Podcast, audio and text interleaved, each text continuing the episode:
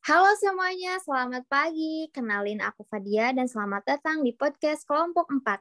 Di podcast kali ini kita akan membahas sesuatu yang menarik nih. Apa ya kira-kira? Pasti kalian penasaran kan? Oke, kalau gitu kita langsung bahas aja kali ya. Nah, kebetulan saya di sini tidak sendiri, melainkan bersama seorang narasumber yang bernama Elvan Efransyah atau bisa dipanggil dengan Elvan dan Kang Elvan. Halo Kang Elvan, gimana nih kabarnya? Halo, halo semuanya. Alhamdulillah kabar baik. Alhamdulillah. Kang Elvan, gimana nih kesibukannya sekarang? Ada apa aja? Oh, Oke, okay. kesibukan ya. Kesibukan kayak biasa sih, seperti biasa. Ya belajar, eh kuliah, belajar, ngerjain tugas, kemudian uh, ikut apa? Ikut organisasi di kampus, terus ikut-ikut kegiatan di luar kampus juga kayak gitu. Kadang mulai bisnis juga. Gitu sih simple lah. Gimana aja sih orang-orang? Sama aja oke oke. Oke daripada pada kepo nih mending langsung kita mulai aja ya. Kebetulan nih Kang Elvan baru selesai baca jurnal tentang pemberdayaan petani ya Kang. Iya. coba kasih tahu dong ke teman-teman pemberdayaan itu apa sih? Oke, oke, aku izin jawab ya. Oke. Halo semuanya. Jadi aku kemar aku sempat ah, bukan sempat sih. Aku kebetulan ya kemarin baca jurnal yang pertanian dan aku sedikit tertarik sih karena jurnal ini tuh tentang pemberdayaan pertanian gitu. Dan hmm. bahasanya bagus sih.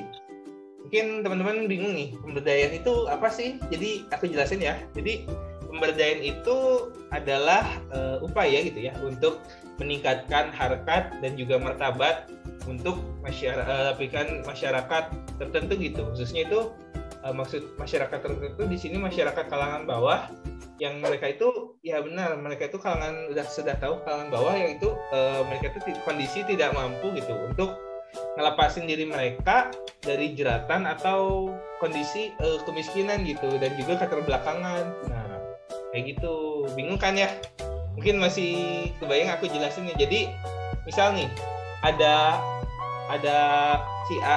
Si A itu uh, dia itu orangnya dari bisa dibilang dari desa. Dia punya penghasilan yang yang cukup yang bisa dibilang kurang lah penghasilannya. Lalu dia itu uh, kayak dia itu kayak jualan atau apa ya dia itu lebih suka bisnis bisnis gitu ya. Bisnis terutama bisnisnya itu tentang tanaman nih. Nah tapi ketika dia bisnis itu tanaman-tanaman yang dia budidayakan itu tidak maksimal gitu malah bisa dibilang jadinya kecil-kecil gitu. Nah melihat keresahan yang ada di situ uh, mungkin uh, contohnya ini saya bisa uh, atau mungkin saya lulusan pertanian dan kebetulan mempunyai keahlian dalam budidaya tanaman hias. Nah di situ saya harusnya hati saya tergerak gitu untuk uh, membantu dia gitu membantu uh, tersebut untuk nantinya dia itu bisa apa ya dia itu bisa uh, survive kehidupannya melalui budidaya gitu kan maka dari itu dari khususnya saya sendiri mungkin yang sebagai lulusan pertanian pada contohnya memberikan pengetahuan-pengetahuan mulai dari dasar sampai dengan uh, dari hulu mungkin sampai hilirnya tentang budidaya tanaman hias itu. Nah, dengan adanya itu maka diharapkan ketika selesai atau mungkin ketika sudah didapatkan apa uh, sudah diberikannya materi ataupun pengetahuan mengenai budidaya tersebut mampu meningkatkan produktivitasnya gitu dalam budidaya bahkan bisa dibilang dia bisa terbebas dari jeratan kemiskinan kayak gitu jadi pada intinya uh, pemberdayaan itu adalah kita atau seseorang yang seseorang yang mampu mereka itu memberdayakan seseorang yang uh, belum berdaya atau bisa bilang belum mampu gitu memaksimalkan potensi dirinya seperti itu. Oke, okay. dengar-dengar nih dari yang Kang Elvan bahas itu tentang pemberdayaan petani kan. Sebenarnya ada masalah apa sih Kang dengan petani kita sehingga sehingga harus diberdayakan? Oke, petani kita ya. Oke.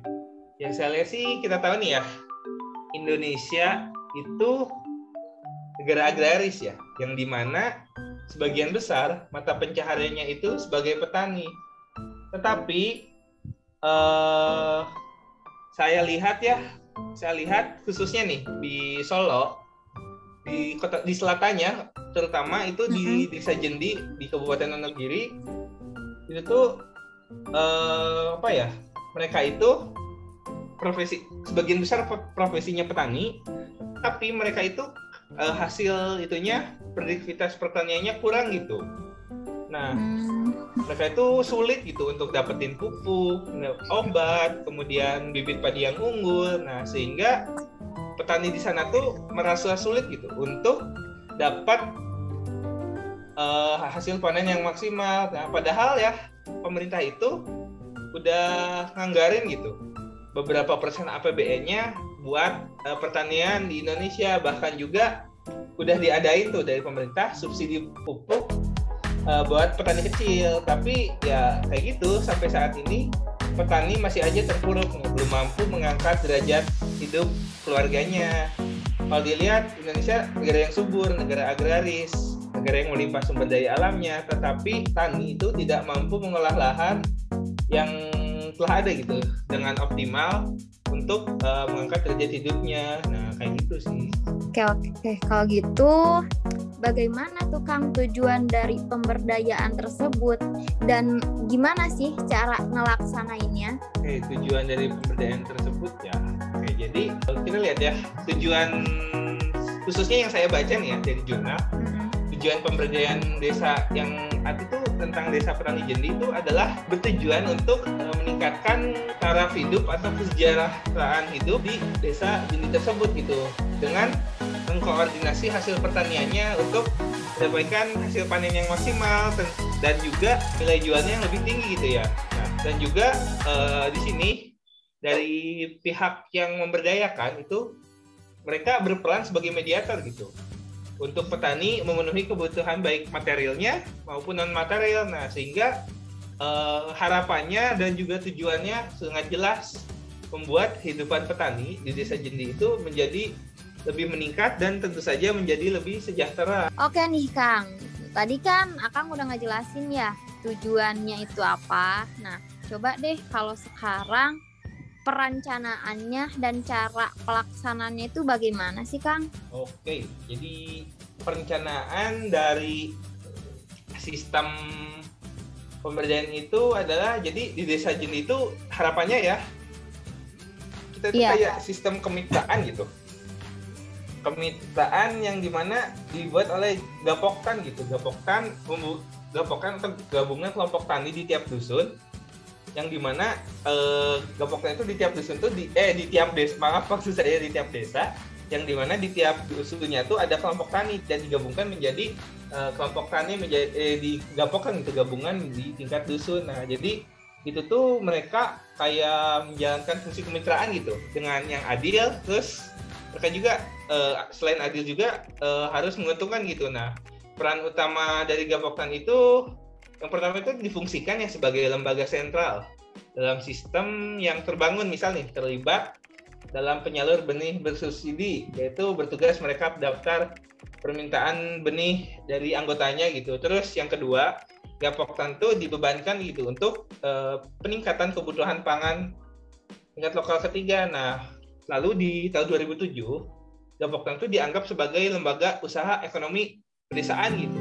Jadi sehingga si itu apa ya? Sehingga dapat uh, menerima dana penguat modal yaitu dana peminjaman gitu buat petani dari Gapoktan sendiri gitu yang bisa di, bisa dibilang atau bisa digunakan gitu ya digunakan untuk membeli gabah petani pada saat panen raya sehingga harga gabah uh, tidak terlalu jatuh kayak gitu. Nah, terus kemudian buat pelaksanaannya pelaksanaannya itu ya karena sudah ada gapoktan ya yang di mana nantinya tuh anggota gapoktan tuh dalam program ini tuh uh, mereka membuat kegiatan kegiatan-kegiatan itu antara lainnya ya ini pembuatan pupuk yang di mana di bahan dasarnya tuh kotoran ternak gitu. Kemudian ada juga pengadaan sarana produksi pertanian gitu. Terus sosialisasi pembuatan pestisida gitu yang di mana pestisida kan uh, bisa dibilang salah satu hal penting gitu untuk mengurangi atau bisa dibilang menghindarkan pan, uh, apa uh, panen kita dari hama kayak gitu. Terus jadi selain dari pestisida juga kita ada paket proyek irigasi gitu. Irigasi supaya nantinya tuh pengairan di sana lancar. Lalu ada proyek paket proyek ya itu untuk pengerasan jalan ke sawah itu jalan. Jadi si petani itu tidak khawatir tuh jalan-jalan yang dilewatinya tuh lembek gitu. Bisa dibilang jadi jalan pengerasan ke sawah itu uh, jalan uh, sebagai jalur menuju sawah itu lebih lebih layak gitu.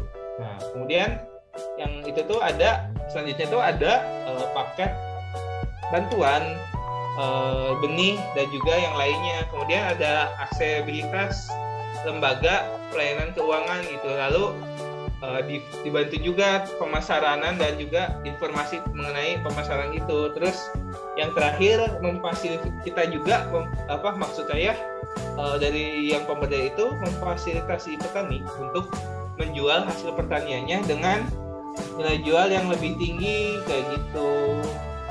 Oh gitu. Cukup rumit juga ya Kang ya? Lumayan sih tapi bisa dibilang ini uh, saya pikir efektif sih untuk menaikkan apa knowledge dan juga uh, pengetahuan dari petani tersebut agak lebih baik dari sebelumnya. Iya sih bagus bener Kang. Coba nih kira-kira Kang itu biar petaninya bekerja efektif dan produktif dan menerapkan ilmu yang diberikan penyuluh itu gimana sih biar terpantau dan melihat hasil perkembangannya pasti harus dimonitor dan nggak mungkin dibiarin kan. Nah, gimana tuh Kang caranya?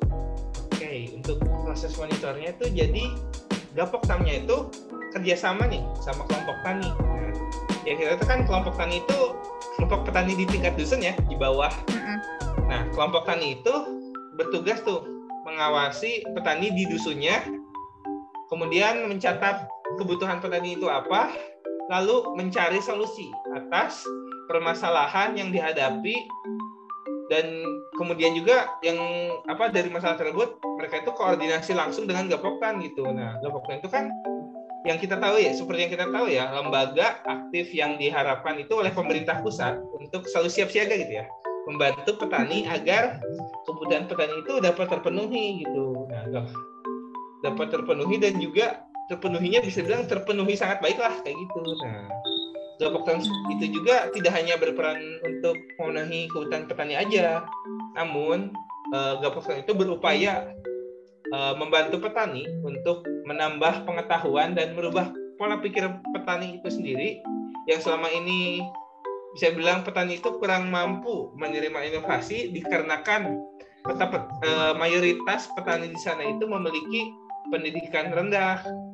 Kayak gitu. Jadi uh, karena pendidikan rendah itu mereka itu kurang menerima inovasi dan informasi yang diberikan. Karena hampir sebagian besar mereka ya akibat dari apa pendidikan yang rendah jadi pihak mereka bilang udah berada dalam zona nyamannya seperti itu kayak gitu sih oke coba kang ini kan hasil dari kegiatan pasti ada tujuannya kan nah kira-kira evaluasinya apa tuh? Oke, untuk evaluasinya sendiri untuk khususnya desa Jendi ya. Iya. Ya, karena kita tahu yang dan saya sudah jelaskan tadi bahwa di desa Jendi itu uh, mayoritas petaninya itu uh, memiliki tingkat pendidikan yang rendah gitu. Jadinya mereka tuh sulit menerima gitu dan menerapkan inovasi-inovasi yang diberikan oleh uh, pemberdaya atau penyuluh itu gitu layaknya contohnya itu ya kayak seperti tanam yang lebih pola tanam yang lebih menguntungkan itu bagaimana terus benih padi yang unggul itu gimana terus pupuk dan obat-obatan itu. Mereka itu uh, kurang bisa dibilang sulit gitu menerima hal-hal tersebut karena mereka uh, tahunya kan biasanya yang uh, pendidikannya rendah itu mereka berdasarkan pengalaman dan turun temurun dan biasanya turun temurun itu uh, kebanyakan akan sama setiap tahunnya gitu. Kurangnya kayak mengupgrade dan mengenai ilmu-ilmu itu kurang itu jadi saya bilang mereka itu uh, masih masih menggunakan yang lama gitu. Masih menggunakan metode lama dan kemudian ketika kita berikan inovasi baru itu hal yang baru bagi mereka. Jadi saya kira mereka itu dan saya kira lagi sih mereka itu pada pada faktanya pada kenyataannya realitanya mereka itu mm-hmm. sulit untuk menerapkan hal itu. Dan karena dari itu eh, dengan adanya gapoktan itu kita berusaha keras gitu dari gapoktan sedikit demi sedikit memberikan gambaran ya. Gambaran bahwa dengan adanya inovasi itu mm -mm. Uh, hasil dengan adanya inovasi hasil dari pertanian itu bisa meningkat gitu lebih baik. Nah, dengan kemudian dengan adanya kelompok tersebut maka dari anggota-anggota gabungan itu tuh dan kita itu bisa bisa apa ya? Bisa uh, bertukar informasi gitu terus berinteraksi tetap berdiskusi dan tukar menukar pengalaman gitu tentang uh, ya segala hal tentang pertanian itu tentang uh, bagaimana cara bercocok tanam, pola tanam, uh, pupuk dan sebagainya gitu. Nah, selain kelompok ini maka harapannya gitu ya akan membentuk pola pikir petani yang dinamis gitu dan tidak sedikit dan mereka itu lebih jauh berpikir ke depan gitu. Yang di mana harapannya dengan dengan usaha tersebut petani menjadi lebih untung dan kesejahteraan dari mereka itu semakin meningkat seperti itu. Hmm. Kemudian nih Kang, sekiranya pemberdayaan sudah selesai, apakah tidak ada kegiatan tambahan ataukah akan ada program lanjutan lainnya di desa tersebut? Oke, untuk itu ada, tentu saja ada. Yang di mana nanti itu uh, pada prosesnya Tani itu mengkoordinasi gitu. Hasil pertanian mereka itu ya menjadi apa dengan apa agar harapannya lebih baik jadi kita bikin program-program itu yaitu yang pertama program dari Gapokan itu menampung hasil petani dengan harga yang layak ya. Biasanya kita tahu kan biasanya setelah mereka panen mereka itu dijual kepada uh, pihak tertentu pasti uh, mereka mendapatkan harga yang rendah gitu. Dengan gapoktan ini mereka uh, dari gapoktan ini mereka bisa menjual hasil pertanian ke gapoktan itu dengan harga yang lebih baik gitu. Kemudian gapoktan juga nih uh, bekerja sama dengan KUD dan juga pedagang untuk membeli hasil tani dengan nilai jual yang uh, apa ya yang lebih memberikan kepada untungan keuntungan kepada petani gitu. Kemudian petani uh, gabungkan juga kerjasama seperti dengan BUMN ya. Contohnya Dolom yaitu yang ditugasi uh, oleh pemerintah gitu untuk menampung gabah maupun beras dengan uh, standar harga yang telah ditentukan gitu. Standar harganya udah tau lah standar harga yang ditentukan itu oleh pemerintah. Jadi bisa dibilang petani itu mendapat nilai jual yang lebih tinggi sih. Jadi intinya dengan adanya Gapoktan ini dengan program-program lanjutan ini uh, kita memfasilitasi dari pemberdaya saya dari pemberdaya itu memfasilitasi agar uh, harga jualnya petani itu saya bilang memberi keuntungan gitu. Jadi petani-petani itu bisa lebih sejahtera dan saya bilang mendapatkan hidupannya yang lebih layak sangat menarik ya teman-teman. Nah sekarang mungkin teman-teman sudah pada tahu dong bahwasannya pemberdayaan itu sangat penting, terutama untuk petani. Yang di mana petani Indonesia itu masih belum bisa memaksimalkan hasil panennya dan juga kesejahteraan mereka yang belum tercapai. Dan kita juga tahu bahwa petani itu adalah tonggak pangan kehidupan bangsa Indonesia yang apabila mereka itu tidak sejahtera, bisa saja petani di Indonesia itu akan hilang, yang menyebabkan terancamnya kedaulatan pangan di Indonesia. Maka dari itu, kita sebagai generasi penerus bangsa bisa melanjutkan tongkat estafeta petani Indonesia untuk menegakkan kedaulatan pangan atau bahkan kita yang memberdayakan mereka agar hasil pa hasil panen mereka maksimal dan hidup mereka sejahtera. Nah, oke, okay. kalau gitu terima kasih nih buat Kang Elvan yang sudah menyampaikan materinya dengan baik. Terima kasih juga buat teman-teman yang sudah mendengarkan podcast kelompok kami. Semoga bermanfaat buat teman-teman semua. Oke, saya Fadia dan saya Elvan. izin pamit, sampai ketemu lagi di lain kesempatan, dan sampai jumpa.